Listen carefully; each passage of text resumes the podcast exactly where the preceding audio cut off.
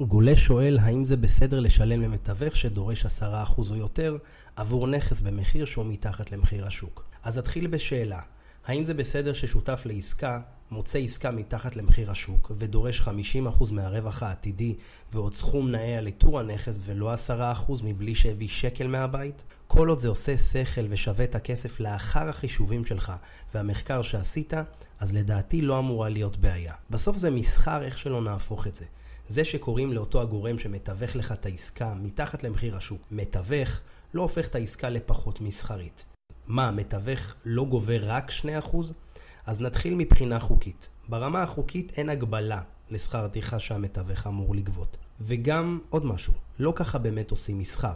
הרי אתה קונה משהו ממקום בוגר ומודע, לא הצמידו לך אקדח לרקה.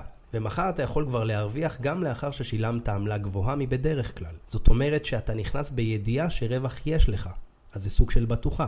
ועוד משהו לגבי השורה הקודמת. מה זאת אומרת עמלה גבוהה מבדרך כלל?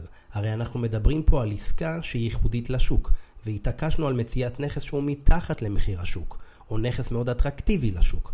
אז למה להיכנס לתוך סכמה של נורמליות? הרי העסקה שאנו רוצים היא לא נורמלית. אם היה משרד תיווך גדול וענק, שבו היו גובים 15% על כל עסקה, אך בטוח אנו נכנסים לעסקה מאוד רווחית עבורנו, ומשרד אחר בו משלמים 30 שקלים עמלה, אך עם סיכוי גבוה להפסיד. תהיה בטוח שהתור לאופציה הראשונה לא היה נגמר, למרות ש-30 שקלים עמלה זה מאוד מפתה. איפה אתה היית משקיע עם יד על הלב? 30 שקלים ויש לך סיכון מטורף להפסיד, לא רק את העמלה ששילמת, אלא הרבה יותר, או 15% עמלה כשאתה בטוח מרוויח מראש. נטו להפעיל שיקול דעת קר והגיוני.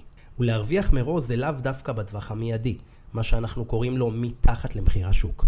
הרי קבלן שרוכש קרקעות בסכומים אסטרונומיים לא חושב לעצמו וואלה קניתי מתחת למחיר השוק. במציאות שלנו הוא אפילו אומר לעצמו וואלה קניתי במחיר מטורף, אבל אני מאמין בזה. האמונה הזו היא מה שהופכת עבור הקבלן או היזם את העסקה לאטרקטיבית, לכזו שיהיה מוכן לשלם עליה עמלה גבוהה. ופה לא דיברנו על נכס מתחת למחיר השוק, רק על עסקה אטרקטיבית. יש לא מעט פעמים שעסקה אטרקטיבית שווה הרבה יותר מנכס מתחת למחיר השוק. ניתן לכם דוגמה חיה.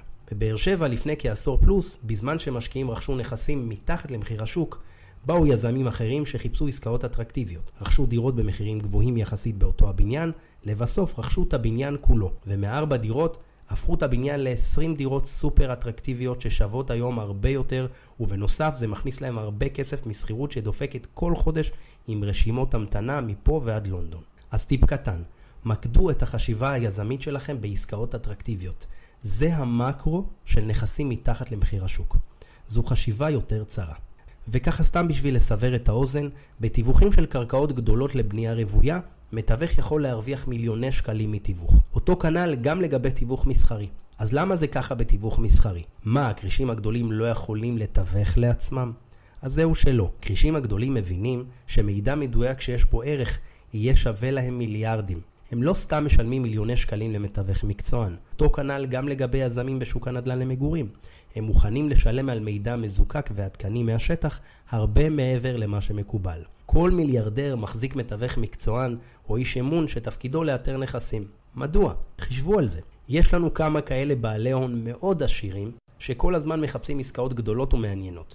ותאמינו לי שבעסקאות שכאלה לא מדברים על 30 שקלים עמלה. לסיכום, שתי נקודות חשובות. מקדו את עצמכם בעסקאות אטרקטיביות, כל אחד על פי מטרותיו. יכול להיווצר מצב שיהיה לנו משתלם מאוד לקנות נכס במחיר קצת יותר גבוה מהשוק במצבו הנוכחי, ובעוד שלוש שנים נעשה בוננזה של החיים. לחשוב רק מתחת למחיר השוק היא חשיבה קורסיסטית ולא מקדמת, והסיבה שבקורסים מוכרים את חלום המתחת למחיר השוק, דירות נטושות, זה בגלל שזה משהו שאפשרי להתחבר אליו ברמה רגשית די מהר.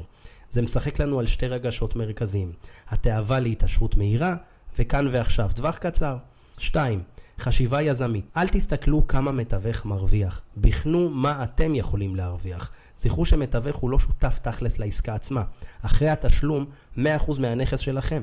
נדל"ן זה סחר חליפין, וכל עוד הכל נאמר לך בשקיפות ומראש, ועשית את החושבים שלך ואת המחקרים שלך, אני לא רואה בזה בעיה שמתווך יגבה יותר ממחיר השוק. אם העמלה היא 30 שקלים, או במקרה שלך 15% לא טובה לך, אל תעשה את העסקה. זה שוק חופשי, זו יזמות, בהצלחה. בן סולומון